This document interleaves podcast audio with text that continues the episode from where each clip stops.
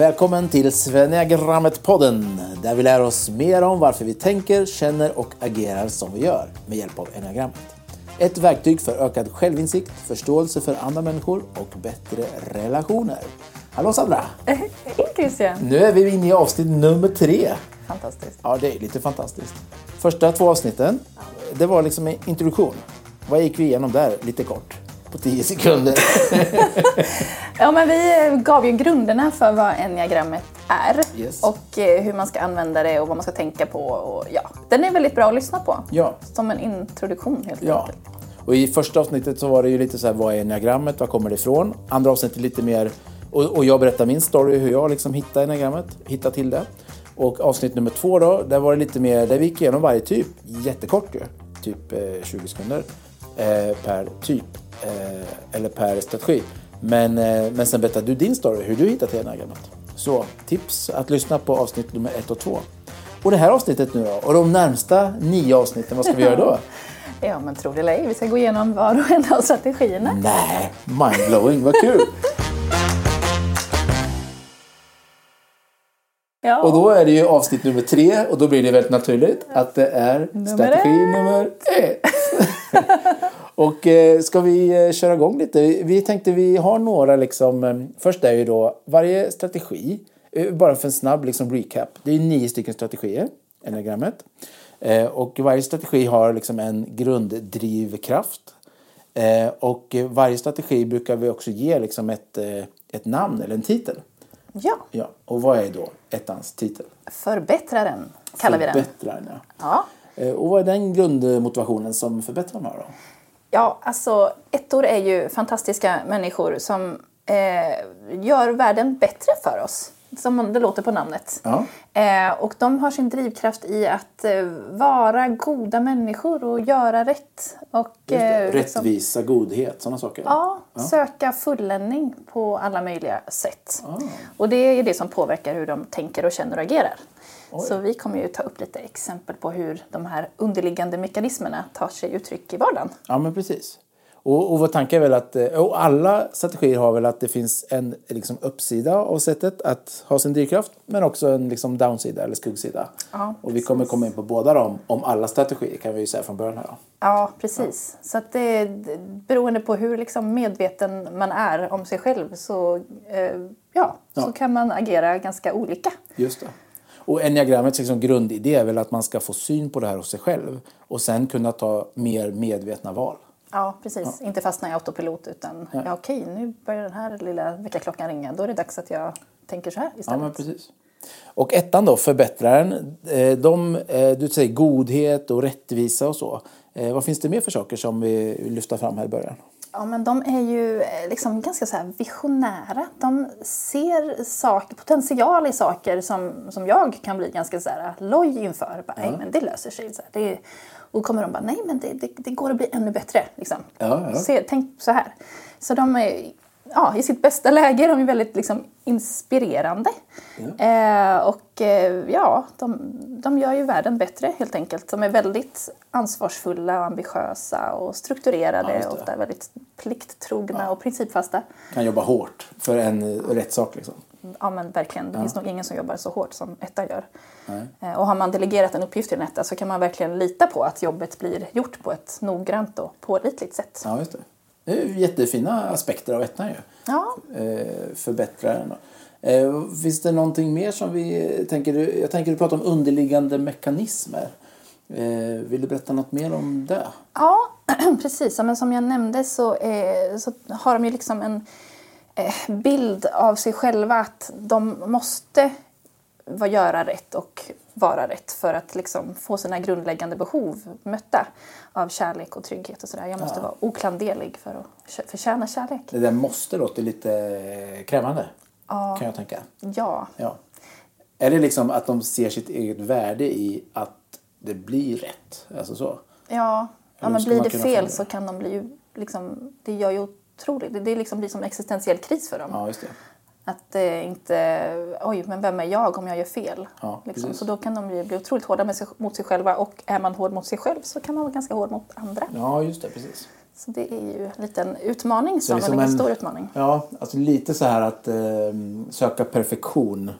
Eh, och ifall man inte når det så blir man, och som man ju aldrig riktigt kan nå va? Så är man alltid lite missnöjd. Man tappar mål, man missar målet lite hela tiden. Ja, ja men precis. Ehm, och de, de har liksom en bild av att om jag gör ett misstag så kommer världen att döma mig och straffa mig. Och så att jag, de undviker ju till varje pris att göra fel. Ja. Ehm, och ehm, ja, man har någon slags bild av att eh, det, det, allting vilar på deras axlar att göra världen bättre. Att de, har, de, de bär väldigt tungt helt enkelt. Eh, och de har liksom som en självbild att jag gör nytta, jag har rätt, jag är god. Så. Ehm, ja, Men det låter ju väldigt, eh, jag menar om jag skulle tänka så, nu är ju inte jag etta då. Men om jag skulle tänka så, då skulle jag lätt kunna bli ganska passiv tänker jag. Jag skulle kunna landa i att tänka, men då gör jag ingenting för det kan ändå inte bli perfekt. Men så låter det inte som du säger här. De är handlingskraftiga och de vill förbättra och de ser vad de kan förbättra. Så de, är, de och tar initiativ och strukturerade och de, är, de är doers, kan man säga det? eller? Ja, det, det är lite intressant att du nämner den aspekten. För jag tänker att du som nia och ettor är ju båda en del av den fysiska intelligensen. Så ni har ju liksom... Eh, ja, och det som kännetecknar den är ju att man har en, en särskild relation till liksom, handlingskraft. Mm.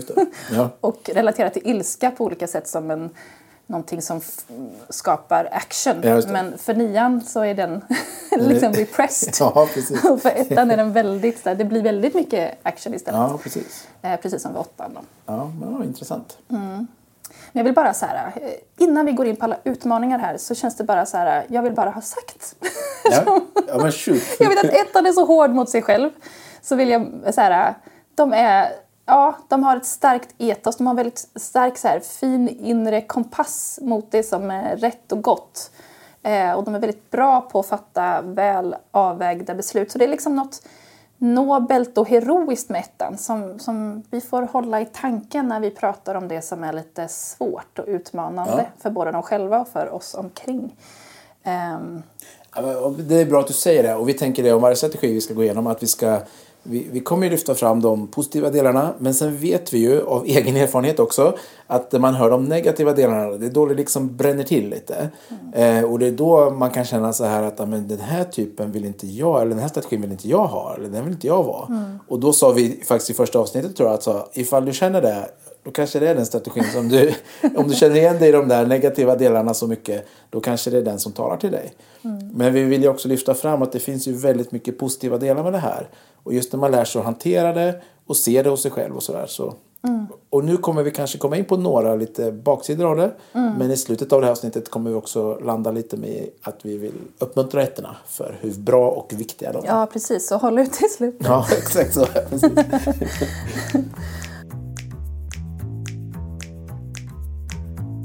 Ettans självbild är som sagt att jag är god och jag gör nytta och har rätt. Och det blir ju, eh, allt det här som vi har nämnt blir som ett underliggande mönster som formar ettans fokus och tar sig uttryck i beteendet. Ehm, och man får liksom komma ihåg att, eh, att det som gör att man får sån ömhet för ettorna mitt i allt är ju att de de har en väldigt stor rädsla för att de ska vara dåliga. Ehm, så det gör ju att de, så fort de liksom känner att nu är jag ute och liksom, men den här, nu fick jag den här impulsen, men den är inte rätt eller liksom, enligt min standard. Ja, Då trycker de ju tillbaka till det, till sig själva väldigt hårt. Liksom. Så att de uppfattas ju som väldigt eh, kontrollerade och reserverade ofta. Ja. Ehm, och, de, och om de gör fel eh, då kan de bli väldigt liksom, självdestruktiva. Okej. Eh, och har de, man brukar liksom känneteckna ettor med att, att de har en stark inre kritiker Precis. som hela tiden är väldigt hård mot dem. Och det känner man ju så mycket när man har den, det i åtanke så känner man så mycket ömhet för detta. Man vill Ja. liksom bara ta dem i famn och, och bara, ja men vi ser hur hårt ni jobbar. Liksom. Ja men precis. Och, och det verkar ju vara som, jag såg något samtal här, eh, någon panelsamtal mellan olika enneagram ettor. Det första de kommer in på är ju just den här självkritiken. Att de är ganska hårda mot sig själv ofta. Och det är som du säger, man känner ju väldigt stort liksom, eh, blödande hjärta för dem. Men du behöver inte vara så här hård mot dig själv. Och vi kommer in på lite olika sätt att tänka där och utvecklingsvägar vidare för ettan. Ja, men jag hörde någon som beskrev det som att ettorna sitter i ett fängelse i samma cell som den som slår dem. Som att de är Ja. ju liksom, I sitt eget Ja. huvud har de en inre kritiker som bara bankar.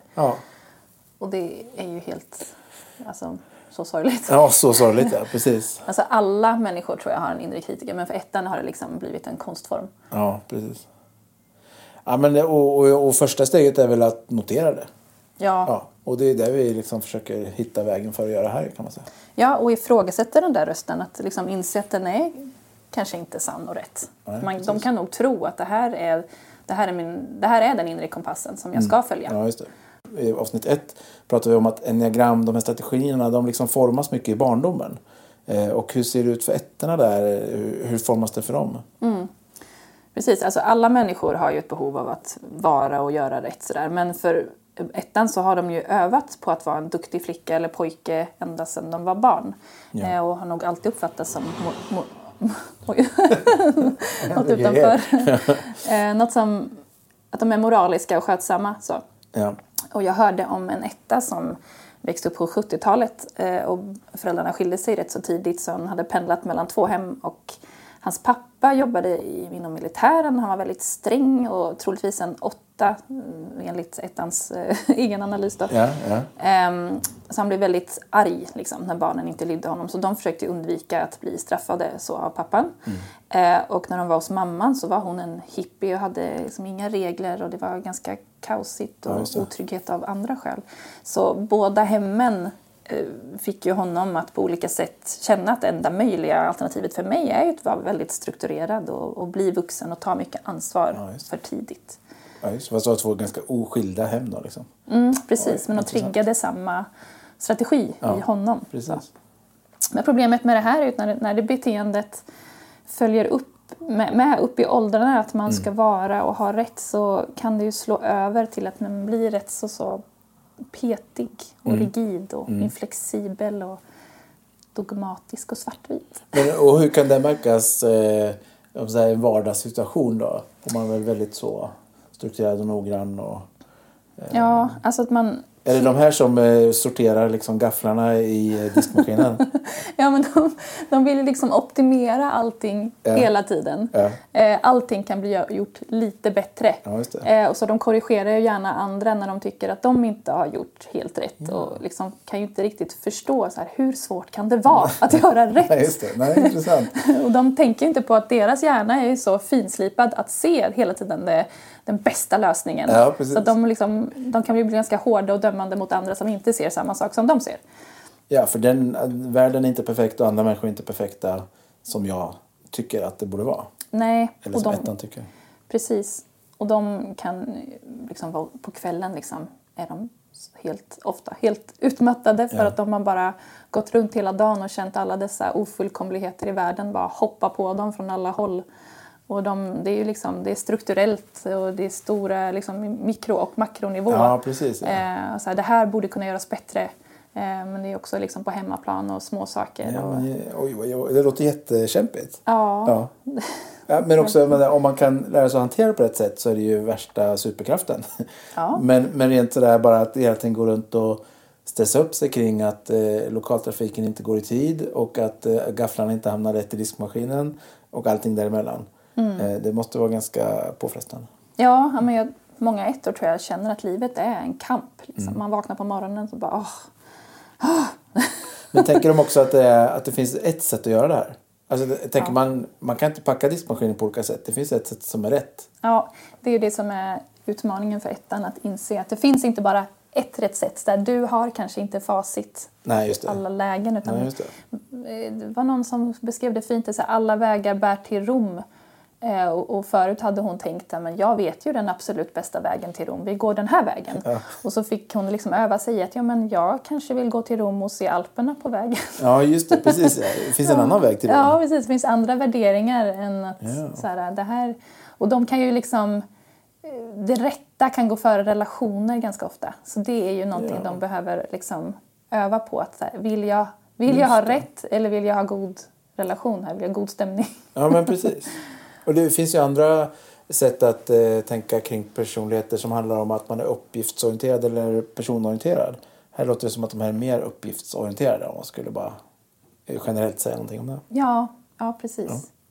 Det viktigaste är att uppgiften blir korrekt utförd. Ja, exakt. Och där kan ju ettan och trean vara lite lika varandra. Eh, men att man vill till samma mål. Mm. Eh, men att ettan kommer ta den långa vägen för att det är den rätta vägen. Ja. Medan ettan, eller trean, trean eh, mån om att komma fram och få ett resultat. Ja, just det. Mm. Ja, intressant. Och det är intressant med enneagrammet då att eh, man kan ha samma beteende och kanske exakt samma sätt att, ta, liksom att göra det men drivkraften är olika. Mm. Ja. Det är intressant. Mm. Richard Rohr har sagt att eh, han, han, har lite symboldjur för olika strategier. Um, det tycker så... jag är roligt. Symboldjur är ett kul ord tycker jag. först flyger det över huvudet men sen tänker man lite, ja men det, är bra att hänga upp det på en sån grej. Ja, ja. men det kan hjälpa en att förstå lite. Och för ettan så är det ja, en skällande hund.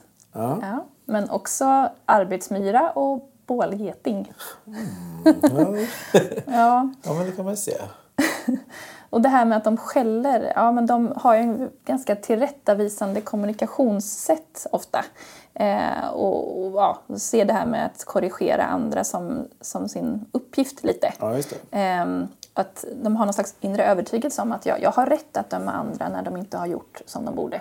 Ja, och tänker att det, alla, vill väl, alla vill väl veta att de har gjort lite fel så att de kan ja, ha rätt. Det är ja, liksom, eftersom det är deras så starka drivkraft så ja. tänker de att alla andra också vill veta. Men eh, det kan ju bli väldigt jobbigt för ja, andra. Men, eh, precis.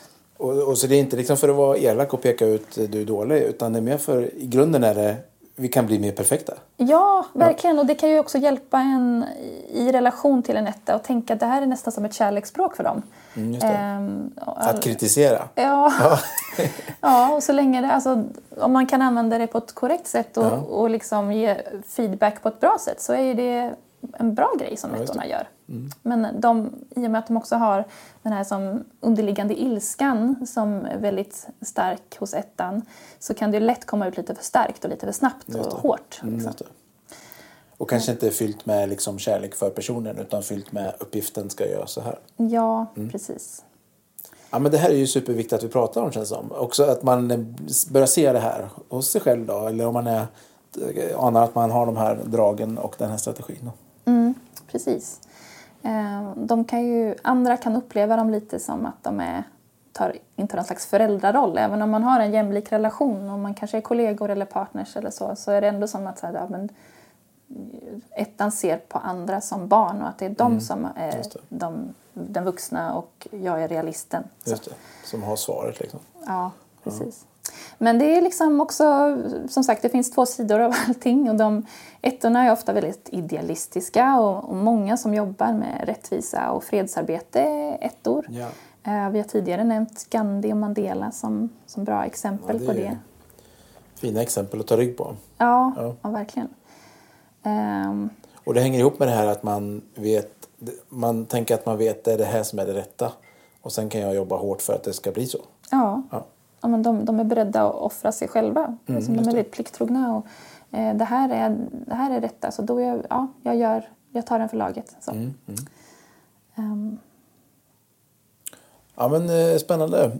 Eh, vad finns det mer att säga om ett? Eh, finns det, hur är det med regler? Och sånt? Jag tänker så här, jag är ju jag är nia då. Mm. Och sen brukar man säga i att det finns liksom, om man är nia kan man också snegla lite på de här siffrorna runt omkring där. Ettan, mm. åttan i mitt fall blir det. Mm. Eh, och här pratar vi om ettan. Mm. och jag känner mig ju lite träffad av vissa saker här. Det jag funderar lite på är det här med regler. Är det, är det liksom, eh, är ettor bra på, det låter ju som att de vill vara strukturerade, de vet vad som är rätt. Är de bra på att göra listor på hur olika saker ska göras? ja, de är nog ofta listmänniskor, ja. skulle jag tro. Ja. Ehm, och, och jag det, regler är väldigt viktigt. Sen är det här lite paradoxalt för att jag tror ju att ettor som regel är verkligen sådana att de är liksom noga med att hålla hastighetsgränsen och så. Det. Eh, och det som är liksom allmänt, det, så här gör vi i samhället, mm. att man håller tiden och så. Mm. Men de kan ju också skapa sina egna regler. Om, om de inte tycker att Ja, den regeln som är allmänt rådande makes sense, Nej, då kommer Då- de att skapa sin egen regel. Då tänker de att de själva tycker det är rätt. Ja, Här borde man kanske göra 120. precis. Och ettan håller liksom väldigt hårt i den regeln. Eh, Och det kan ju bli ganska ja, svårt i relation till andra. Just att, så här, ja, att man blir svartvit men man har, kör sitt eget race liksom, parallellt. Så. Ja, men det är ju spännande. Jag har några nära bekanta till mig, ja, mina föräldrar, som har bott utomlands ett tag. Och då, där körde man på eh, vänster sida vägen. Och där när det slog om från, eh, alltså man, man stod inte och väntade vid rött ljus. Utan om det inte kom någon, då tutade man lite och så körde man. och sen, det här tyckte de var så bra grejer. de gillade liksom den, så de tog med det hem till Sverige. Och det funkar inte så bra. Eh, de körde ofta lite så här på fel sida vägen och sen så ofta då ifall det, ifall det var rött men det kom ingen bil, ja men då körde de. ja. är de ettor? Jag vet inte, jag börjar fundera på det nu. Jag, jag måste börja tänka, jag ska prata med dem. Jag ska prata med dem. Vad roligt. Ja, men ettan kan ju ha som ett ganska tvångsmässigt beteende. Så att det här, de är väldigt svartvita så här, det här måste göras nu och på det här sättet, ganska otåliga så. Eh, men det kan vara svårt för dem att skilja på vad som är viktigt på riktigt och, vad som inte är värt att slåss för. Ja, just det. Ja, just det. Ja, men eh, eh, spännande. Har vi några... Eh, du, du nämnde Gandhi, du nämnde... Eh, vem nämnde du mer? Gandhi och Mandela nämnde du. Ja, alltså Martin Luther, han var ju liksom själva reformatorn. Han får väl ses som en Ja, väldigt typisk etta. Så, att göra någonting bättre. Ja, men Så, precis. enligt hans. ja, Kanske inte som han- katolikerna höll med om. Nej, men som han tyckte då. Och ganska villig att kriga hårt för det här. Ja, Mm. precis. Eh, och typ Magdalena Ribbing, hon så här vett och etikett. Ja, just det. Ehm, Hans Rosling, tror jag, var en etta. Okej. Han var väldigt noga med ja, fakta och att det skulle vara rätt fakta. Så. Eh, Roar har också eh, länder som han tycker symboliserar olika Ja. strategier. Och för ettan så är det Schweiz. Så att det, ja, men det, det är rent överallt, alla är punktliga och de gör klockor. Ja, precis. Det finns tydlighet, tydlighet liksom och rent och snyggt. Och... Ja, och han hade blivit skälld på, tror jag, så här, på flygplatsen när han inte hade gjort helt rätt. Liksom. Ja, just det. Det är roligt. Ja. Kul med länder och djur för varje strategi. Ja, precis.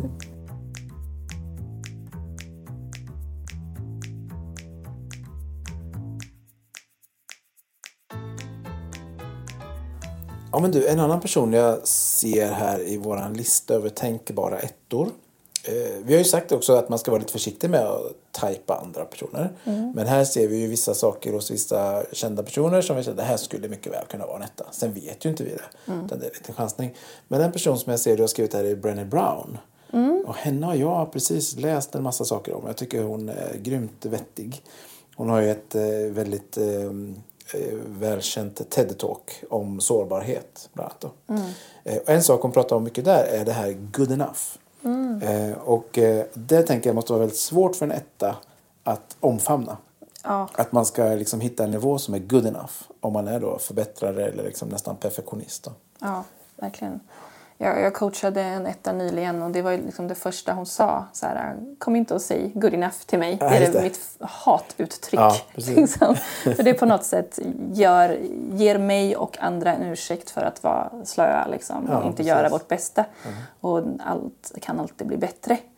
Ehm, och det, ja, men det är lite som att ettor inte riktigt litar på någon röst som, som låt som kan uppfattas som slapp eller likgiltig. Att rösten ska vara på något sätt som självuppoffrande. Eh, I'm, I'm only real when I'm making effort. Så. Okej, så man, ja just det. Ja, ja.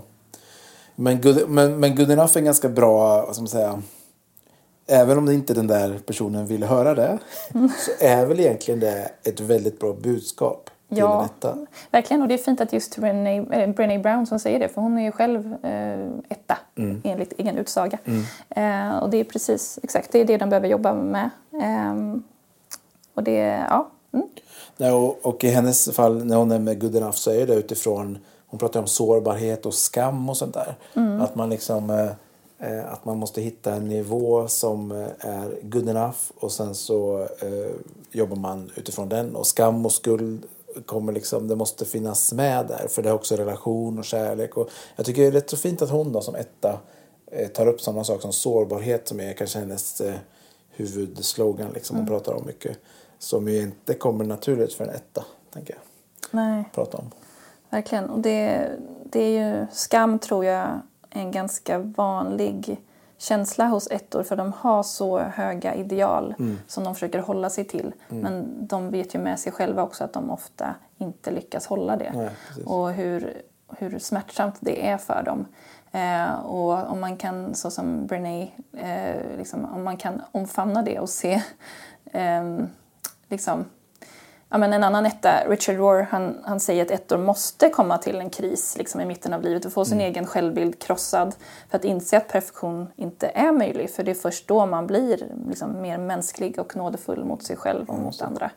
Ehm, och att göra det, ja, omfamna den känslan av skam och skuld, som, det, ta det goda ur det eh, och inte vända det till självdestruktivitet. Ja. För det finns ju också, absolut, det, jag tror att ettor har en tendens att straffa sig själv Ja, så, när ja. någonting inte blir så bra. Eh, Ja, antingen- och den här inre kritikern som vi varit inne Ja. på. Liksom. Ja, precis. Den bankar på inifrån. Ehm, och det ehm, kan också ta sig liksom rent konkreta exempel. Att jag, eh, en person som eh, etta och som jobbade på en tidning och som eh, skickade iväg en artikel till eh, redigering där det var en, en detalj som inte var helt... ehm, ja, hon hade inte faktakollat den exakt sådär eh, och kom på det i efterhand. Eh, och såg att hon hade skrivit fel och hörde av sig till nätredaktionen och bara ah, vänta, kan ni ändra på det här innan Ja. det går i tryck? Ja. Och det, det hanns inte med. Tiden hann så tiden- felet kom med. Liksom. Ja, det hade redan hunnit gå till tryck. Och hon tog ju det otroligt hårt och ja, vände det mot sig rent fysiskt som självdestruktivitet. Oj då. Oj. Mm. Just att det inte blev så perfekt som hon hade... Ja, och det var en sån detalj. Det var troligtvis ingen annan som tänkte på det. Nej. Men det är liksom hela, hela livet för en etta är liksom lite en jakt på nåd. Mm. Eh, men de är ofta väldigt, väldigt hårda mot sig själva. Mm. Eh, och har svårt att omfamna. Det är lite som... Det finns något... Eh, vad kallar man det för? Me- meritokrati. Att Mm. man, eh, man, man ska förtjäna det man får. Liksom. Det. Och att du, du kom inte här och gör någon liksom, räkmacka-fil. Nej, nej, men exakt. Mina meriter ska ta mig vidare. Liksom. Ja. Jag ska ha förtjänat det. Ja. Men, det, men det blir ju väldigt destruktivt om man tänker också att jag ska förtjäna jag menar i ett jobb, jag ska förtjäna ett jobb, det är en sak. Men att förtjäna kärlek från andra människor. Mm. Att förtjäna kärlek från sig, alltså, om sig själv. Ja. och sånt där. Det blir ju väldigt... Eh, eh, ja, eh, man behöver nåd. Nåd är ett bra ord för det. Mm, ja, precis. Men det, är, det är att få... Liksom, det är ett, ett, I vissa sammanhang, som i kristna sammanhang, så också pratar vi mycket om nåd. Men eh, det det innebär är liksom att man får någonting man inte har förtjänat. Eh, Ja, att man liksom får något gratis. Ja. Mm. Ehm, och det, ja, det är verkligen... Det behöver vi alla. Mm. Ehm, Ja, precis. Och eh, jag, har läst någonstans att någon har sagt att eh, ettor är kanske en av de som har störst glädje av att eh, lära sig prata med enagrammet. Att det hjälper dem att just ha den här mer nåd med sig själv och med andra då. Eh, Men också tillåta sig själv och andra att vara mer mänskliga och att inte, att inte alltid sträva efter den där perfektionen utan hitta en good enough-nivå. Mm. Ja, precis. Och som vi var inne på tidigare, att lite ifrågasätta den här inre kritiken som är on steroids. Mm, ja, precis. Inner critic on steroids. Ja, Ja. precis. Alla har den, men den är verkligen massiv för ettor. Mm. Ehm, och att liksom, vilken eftersmak, vilken bismak har den inre kritiken i ditt liv? Liksom. Mm. Eh, för en del kan liksom tro att ja, men det här är det sanna, rätta. Det här är liksom Guds röst det. som håller mig på rätt väg. Typ. Men om inte rösten lämnar någon god känsla utan bara driver på och, och skapar en massa liksom, ja, som Mm. ne- ne- negativa skulden och skammen som vi var inne på. Ehm, då är det då är det inte en sann röst. Nej, men precis. Och, och det är ju det jag tänker som hela det här avsnittet egentligen vill mynna ut i. Va? Mm. Att eh, det går att jobba med den här inre kritiken och att det går att hitta, eh, ja men komma vidare bort från den liksom, dömande inre kritiken. Mm, exakt. Det, som kan vara lämpligt att nämna här också att det finns ju, vi kommer inte nämna det så mycket idag, men eh, det här med instinkter. Det. Eh, det finns tre varianter av varje strategi. Så 9 gånger 3 är 27 då. Eh, och var och en av strategierna har en av de här varianterna som en motstrategi. Ehm, och för ettan så finns det då en variant som heter den intima ettan. Eh, och den har faktiskt inte en lika stark inre kritiker som de andra. Okej. Eh, och inte heller om många ettor drivs av en ilska men på något sätt vet om att det är inte helt socialt accepterat att leva ut sin ilska. Nej. Eh, Så den intima ettan har lite närmare till att faktiskt vara öppet arg. Ja, okej.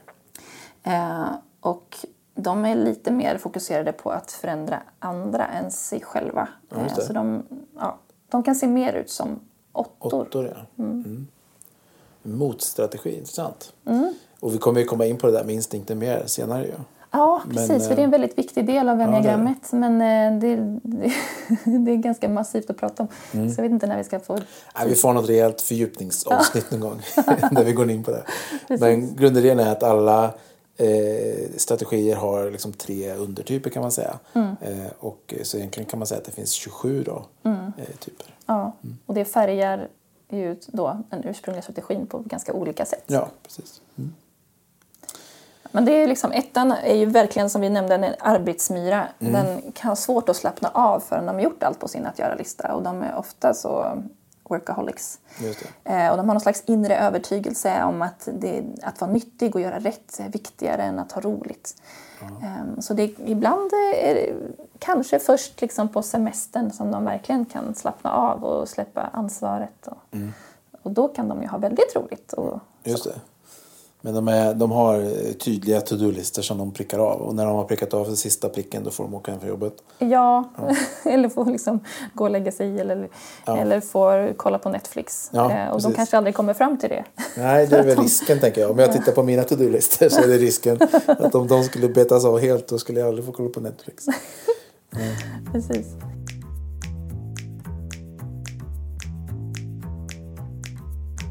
Varje strategi har två andra strategier som man har linjer till.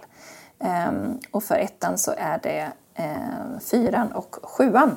Och vi har valt att kalla de här för stresspil, alltså fyran för ettan och stödpil, sjuan för ettan. Etta som är i obalans eh, går liksom automatiskt och lånar det som är lite mer negativt hos fyran. Så de kan bli, eh, liksom dra sig undan och eh, se mycket till liksom, sig själva, bli mer självabsorberade och eh, uppgivna och vemodiga och tycka lite synd om sig själva som, ja, som är liksom fyrans lite svårare sidor eller utmaningar. Så. Ehm, men de kan också medvetet jobba med att ta till sig det goda från fyran. Alltså, då blir de ju de mer accepterande av alla sina känslor och mer kreativa och njuter mer av livet av skönhet och ja, mer närvarande och tolerant. Så. Sånt som de har svårt med från början, ettorna. Ja, exakt. Så det är ju här hos fyran som har, de har sin största utvecklingspotential. Ehm, ja. Och sen för sjuan då, så är det om, om ettan till vardags uppfattas som ganska så reserverad och allvarlig lätt så är det, när man går till sjuan, då blir de ju väldigt party. Ja, outgoing. Ja. Outgoing. Man kan bli förvånad över hur härlig och glad en etta är när den helt slappnar av. ja, just det. Så att eh, det behöver de ju komma i kontakt med lite mer. Ja. För sin egen skull inte minst. Eh, Och bli mer självaccepterande och känna större entusiasm och glädje och tillåter sig själv att ha roligt och har ofta väldigt mycket humor. Seinfeld, alltså själva Jerry Seinfeld. Ja. Han, han tros ju vara en etta som har fått kontakt med humorn. Ja, men precis. Som också har ganska mycket humor i sig. Ja, men, men eh, stressbil och stödbil, jag, är inte, jag som är hyfsat ny, eh, som jag sa i första, jag, håller på att doppa mina tår i enneagrammet. Ja. Eh, Kan du berätta något mer om det? Liksom, stressbil, det är alltså, om jag har förstått rätt, så är det att jag som, om jag hade varit etta, då kan jag låna goda egenskaper från fyran och sjuan. Att det är liksom naturligt för mig att gå till dem och låna dem. Ja. Men jag kan också påverkas av deras baksidor. Ja, precis. Och när man går, i vilken riktning man går och när man går är lite olika. Så det behövs lite eh, medvetet arbete med, med de här riktningarna. Eh, och för att, eh, för att det ska bli en hållbar utveckling eh, så behöver man först låna det goda ifrån stödpilen. Eh, för att det ska bli ja, en, en hållbar utveckling. Okej, ja. Eh, och enligt Beatrice Chestnut så kan man eh, se det här som att det är en, man gör en tidsresa med hjälp av pilarna. Eh, så stödpilen som för ettan då är sjuan, det var den som ettan var som barn men som, uppfatt, som ettan uppfattade att det här finns inte plats för mig riktigt att vara den här eh, personen. Eh, så då trycker jag ner det. Men då behöver man liksom reclaima det. Eh, Så man liksom väcker barnet i Ja. sig på något sätt. Och låter det få utrymme. Ja, precis. Ehm, och det är en teori som heter soul child inom enneagrammet. Ehm, och det kan också bekräftas av att när vi är med vår, ofta med vår grundfamilj eller med de vi är mest trygga med så, så lånar vi även det negativa ifrån vår stödpil. Ehm, så när ettan gör det så, så blir de ju likt en, en inte så utvecklad sjua mer ansvarslös på ett lite omoget sätt och mer självisk och kan bete sig ganska oacceptabelt. Ja, ja, Till skillnad från hur ettan beter sig annars. Ja. Och fly in i ohälsosamma flyktbeteenden och så. Ehm, så om de kan... ehm, ja, om man först lånar det som, och liksom jobbar med att återta sin, sitt inre barn då kan man gå och jobba med sin stresspil och, det, och hämta det goda ifrån den strategin. Eh, och, och då är liksom, på tal om det här med tidsresa, så blir det då ens framtid, liksom den, den vuxna i en. Eh, och för ettan då så skulle det bli att det här med att ettan blir mer självaccepterande och, ehm, ja, eh, av alla sina känslor. ehm, Och mer, ja, Njuta av livet. Ja, ja och på ett, liksom på ett fyrigt sätt. Alltså sjuan njuter ju också av livet. Men, Ja, ja, men men att man ehm, blir mer liksom, tolerant mot sig själv och mot andra. Ja. Och för, fyran är ju, liksom, det goda med fyran är att de är väldigt eh, eh, icke-dömande ofta. Eller Mm, att de är ja, väldigt empatiska. Ja, men det där är ju jätteintressant. Det här tänker jag, det här kommer vi komma tillbaka till. Mm. Men just det här att man då plockar, ja men att man går en liten tidsresa tillbaka, hämtar upp det där barnet som inte fick det den behövde Mm. och som man därför hanterar på ett visst sätt. eh, Men sen också då ser framåt med sin, liksom det som kallas för stresspilen då. Mm. Att man eh, hittar de goda egenskaperna nu i sitt vuxna liv. Mm. Ja, det är ju spännande. Det här jag, det här är, nu doppar jag hela foten i det här grammet känner jag. Ja, Nu börjar ja, komma det här igång. är lite djupare Ja, är det teori och ja, det är ganska nytt för mig också. Men jag tycker det, det ger så mycket mer substans till allting. Eh, Men du Sandra, det här är ju, jag, jag måste säga det här är ju lite mindblowing fortfarande för mig. Eh, Jag tänker, nu när vi har pratat lite om ettor och lite vad de drivs av och hur de reagerar på olika saker. Då tänker jag på några personer i min närhet. Eh, Och hur ska jag bemöta dem i det här? Om jag vill ge dem så mycket kärlek det bara går på ett sätt som de förstår. Eh, Berätta, hur ska jag möta mina ettor? Ja, dessa kära ettor. Ehm, det man dels kan tänka på är att de är ju själva ofta rätt så direkta och orädda till att ge feedback. Ja. Och då kan man tänka att ja, men de kan nog ta emot samma, eh, vad heter det? En mynt. Ja, precis. Riktigt så funkar det inte. Eftersom de, det liksom blir existentiellt hotfullt för dem när de känner att men jag är inte så bra som jag vill vara och försöker vara. Ehm, så om man ska ge dem liksom lite konstruktiv kritik, eh, tänk på att lägga fram det varsamt och inte ha för mycket detaljer. Och, eh, var specifik, koppla det gärna till fakta mer än, än känslor och generaliseringar och, och var noga med att lyfta fram det som är positivt. Eh, För ettan är redan så hård mot sig själv och har troligtvis redan tänkt på det som du tänker säga. Ja, just det. Så lyft fram det positiva, eh, koppla gärna till fakta. Precis. Ehm, och lite mindre liksom, känsloyttringar så. Ehm, Det, är bara det är ju också spännande för mig då. Jag tänker att, eh, nej, men jag tänker att man ofta lär sig att man ska utgå från jag känner så här. Men det lyssnar inte Ette så bra på då. Utan mer utifrån att eh, eh, ja, positivt lyfta fram och koppla olika, kanske Ja, koppla känslorna till fakta då. Fast det kanske inte är så dumt att säga så. När du gör så här så känner jag så här. För det kan ju hjälpa dem i sin empati. Men mer så här, inte den, nej. mycket skrik och gråt, den typen av känslor. Det biter inte så bra. Mm, Det blir jobbigt. Ja, Ja. jag förstår. Var hellre liksom rationell och lösningsfokuserad. Så. Mm. Ehm, en annan grej med ettor är att de, i och med att de själva är så noga med att få saker gjorda så kan det ju bli lite svårt att slappna av jämsides med en etta. Typ en- på helgen kanske, man vill bara ligga och dega i soffan. Mm. Men då har etta en lång lista som alltså måste göras. Eh, och så det man kan hjälpa ettan med då för att liksom, de ska kunna slappna av lite mer, är att man, man aktivt tar ansvar för något av allt som ettan tänker det här måste få gjort. Så ettan får slappna av. Man hjälper dem med deras lista liksom. Ja, precis. Och på så sätt visar man dem att man vill dem väl. Ja, man visar att man är ett team. Så. Eh, och gärna visa dem uppskattning för hur hårt de jobbar.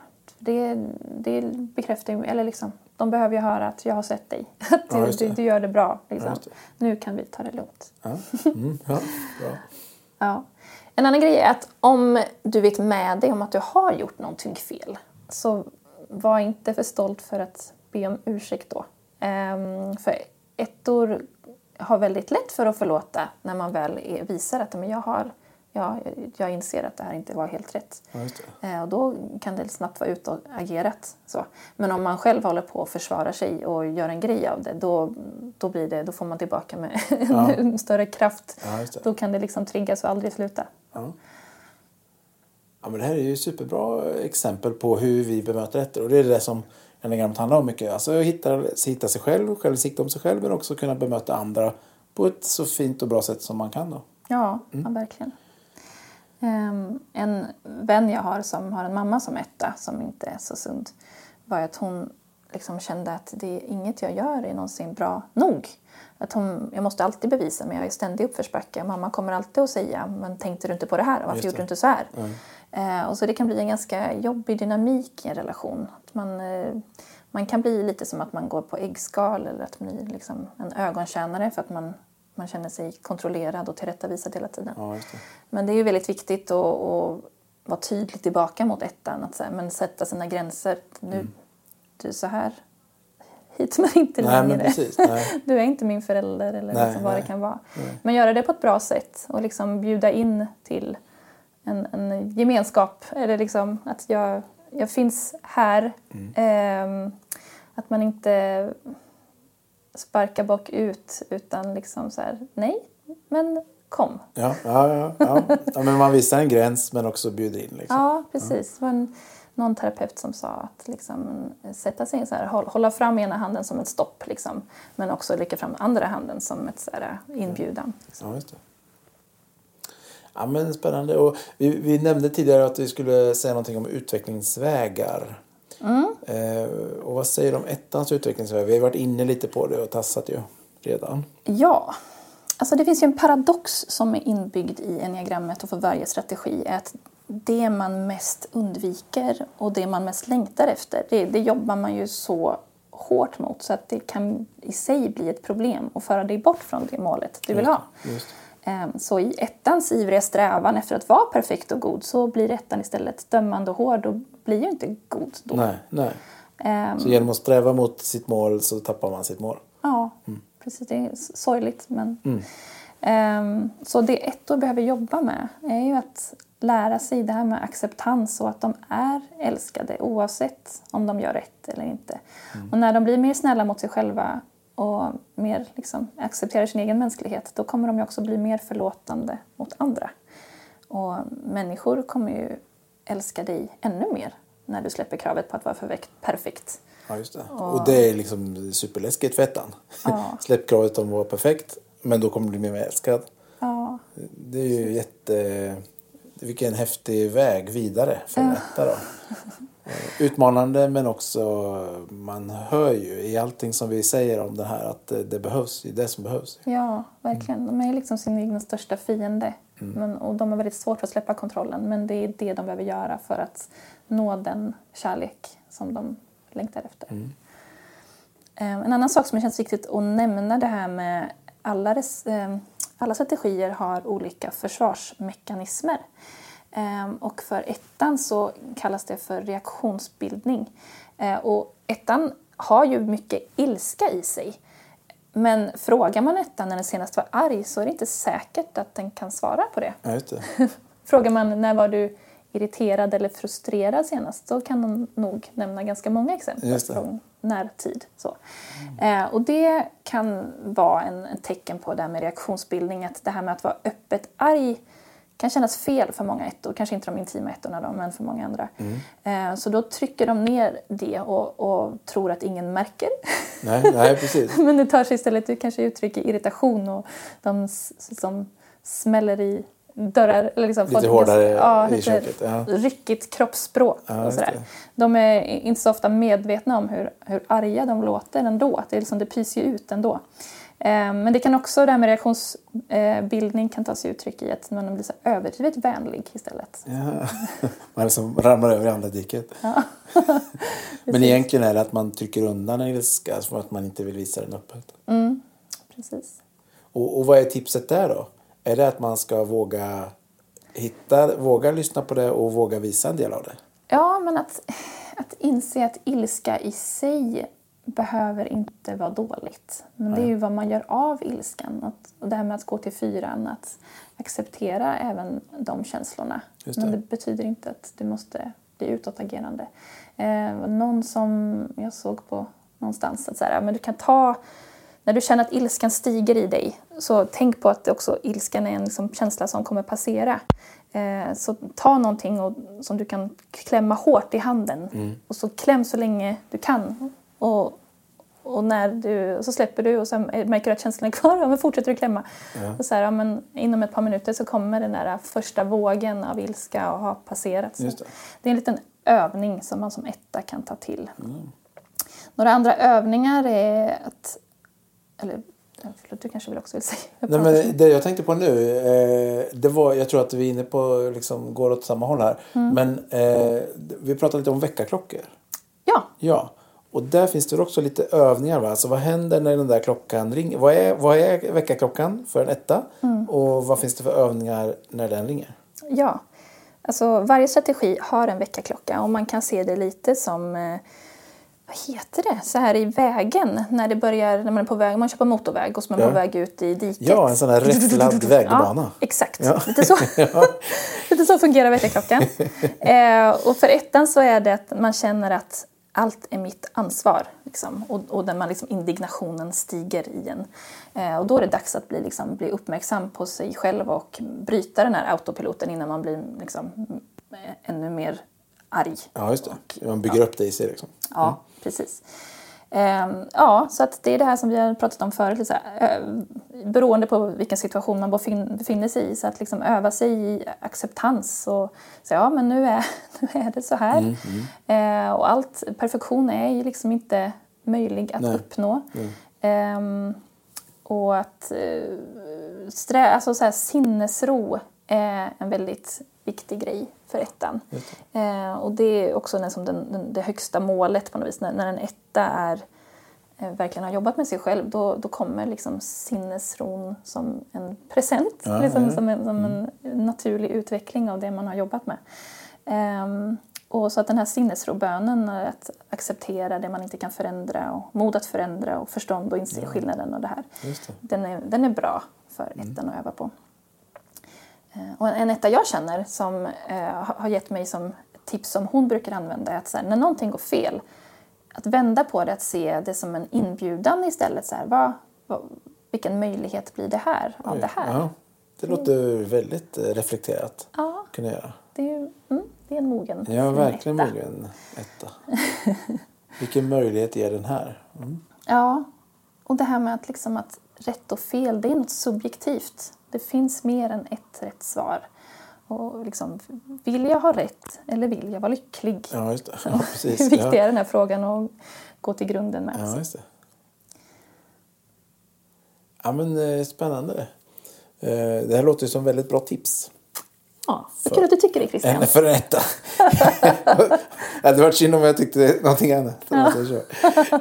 Ja, nej, men, ja, det är säkert mycket som vi alla kan ta till oss, men ettan i synnerhet.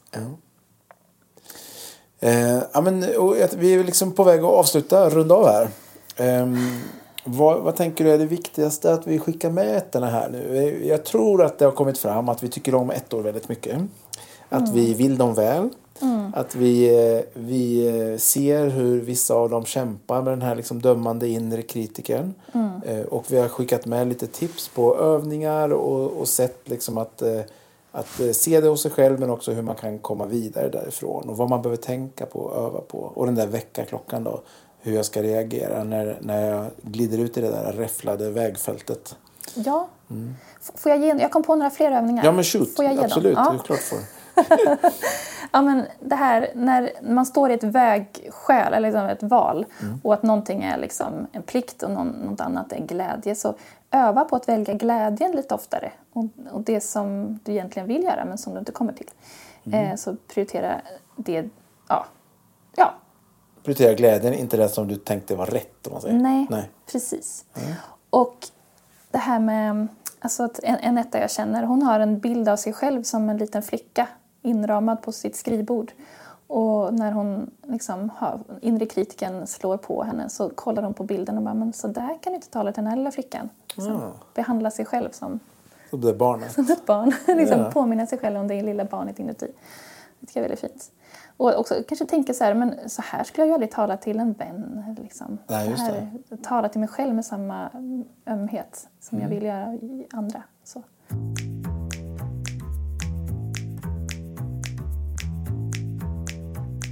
En annan grej är att vara mycket ute i naturen. Ja, För naturen är ju liksom, den är perfekt operfekt. den är förlåtande. Ja.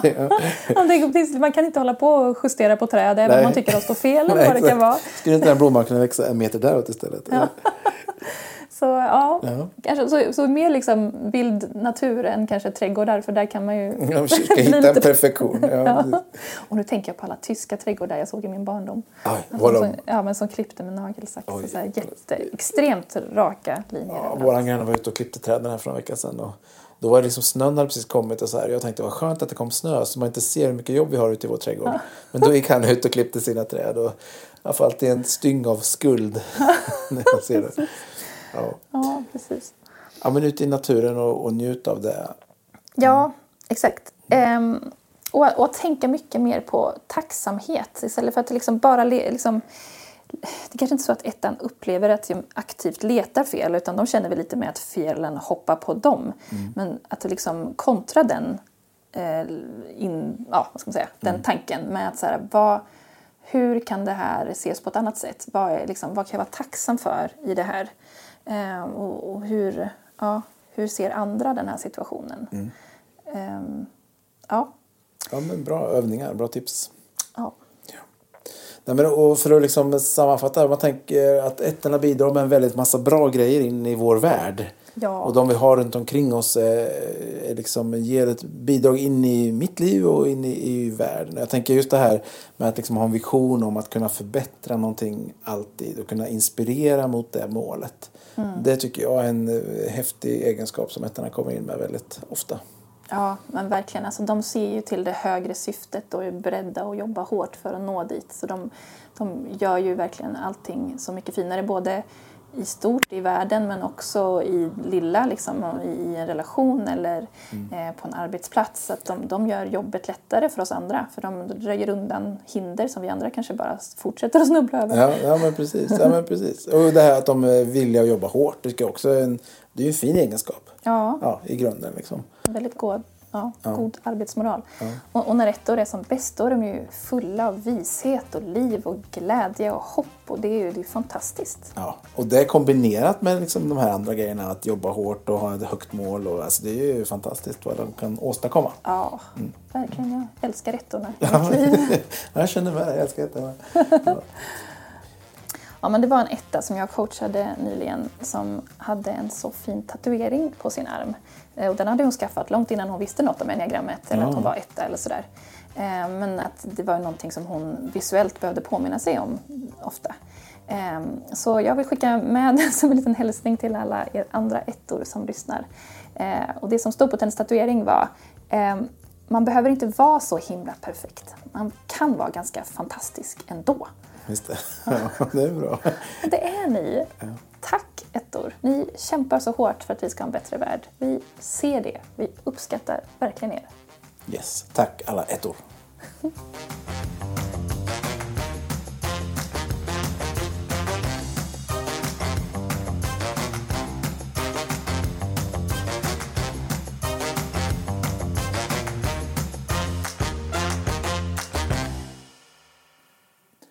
Okej, vi har kommit fram till eh, veckans spaning och det är det här stället där vi snickesnackar lite om eh, någonting vi har stött på under veckan och eh, funderar på det utifrån enneagramglasögonen. Och den här veckan tänkte jag vi skulle kika lite på Sagan om ringen. Extended version. Mm. Ja, har du sett den? Eh, knappt alltså. Knappt, ja, det är sant, det är otroligt. So be it. You shall be the fellowship of the ring. Right. Where are we going? Gandalf. Ooh. Vet du vem Gandalf är? Jag vet inte. Ja, gött. Den, den kunskapen har du. Ja, Gandalf är ju då den här eh, liksom, eh, trollkaren.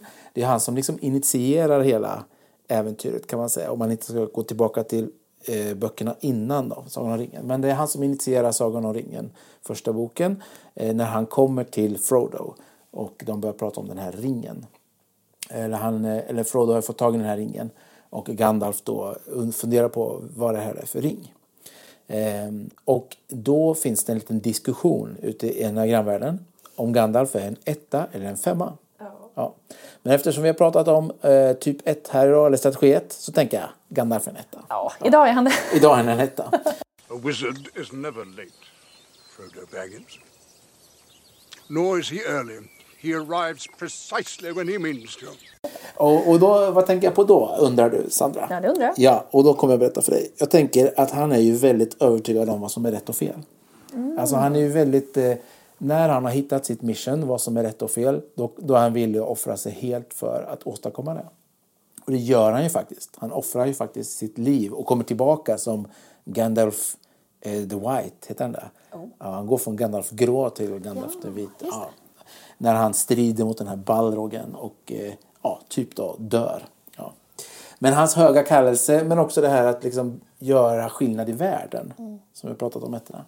Att han vet att han kan göra, han har ett bidrag att ge och han liksom strukturerat kanske är fel sätt att säga, men han leder ju den här Fellowship of the Ring för att göra världen till en bättre plats. Liksom.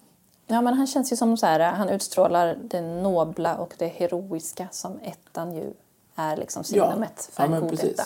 Ja, Eh, jag tänker att han, eh, att han är mer en etta än en femma måste jag säga. Femman har ju det här lite undersökande och det där va? och det har ju han också. Men jag skulle säga att det här etta, det här höga syftet, att jag är villig att jobba för det och offra mig själv för det och gå en extra mile, att det är Gandalf. Det är klart. Ja.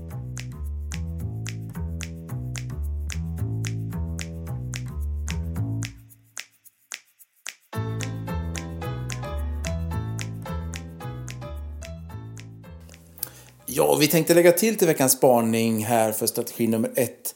En film som är lite aktuell nu i USA, men eh, den gjordes i Sverige för några år sedan baserad på en svensk bok. En man som heter Ove. Och vilken strategi tror vi han är? Ett. Absolut, han är ju en typisk etta. Eh, och eh, finns det, har du något exempel på det från filmen som du kommer ihåg Sandra? Eh, Ja, men han håller på och rättar sina grannar väldigt mycket hela tiden. Eh, och det är en rolig scen också när han är på väg att bli påkörd av ett tåg. Ja.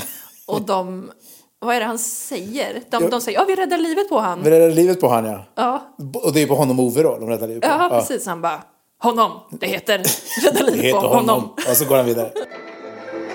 Rädda livet på honom. Rädda livet på honom heter det. Och han kommer så här och visar, han har skrivit ner i anteckningsböcker när grannarna har lånat någon trädgårdsslang för ett halvår sedan. Och ja, nu skulle vi ha fått tillbaka den. Så visar han upp i boken att han har skrivit det. Och... 27 augusti så lånade de min trädgårdsslang. Behöver den nu. ja. Ska du vattna nu i mars? Du, om du vattnar dit så vattnar jag dit.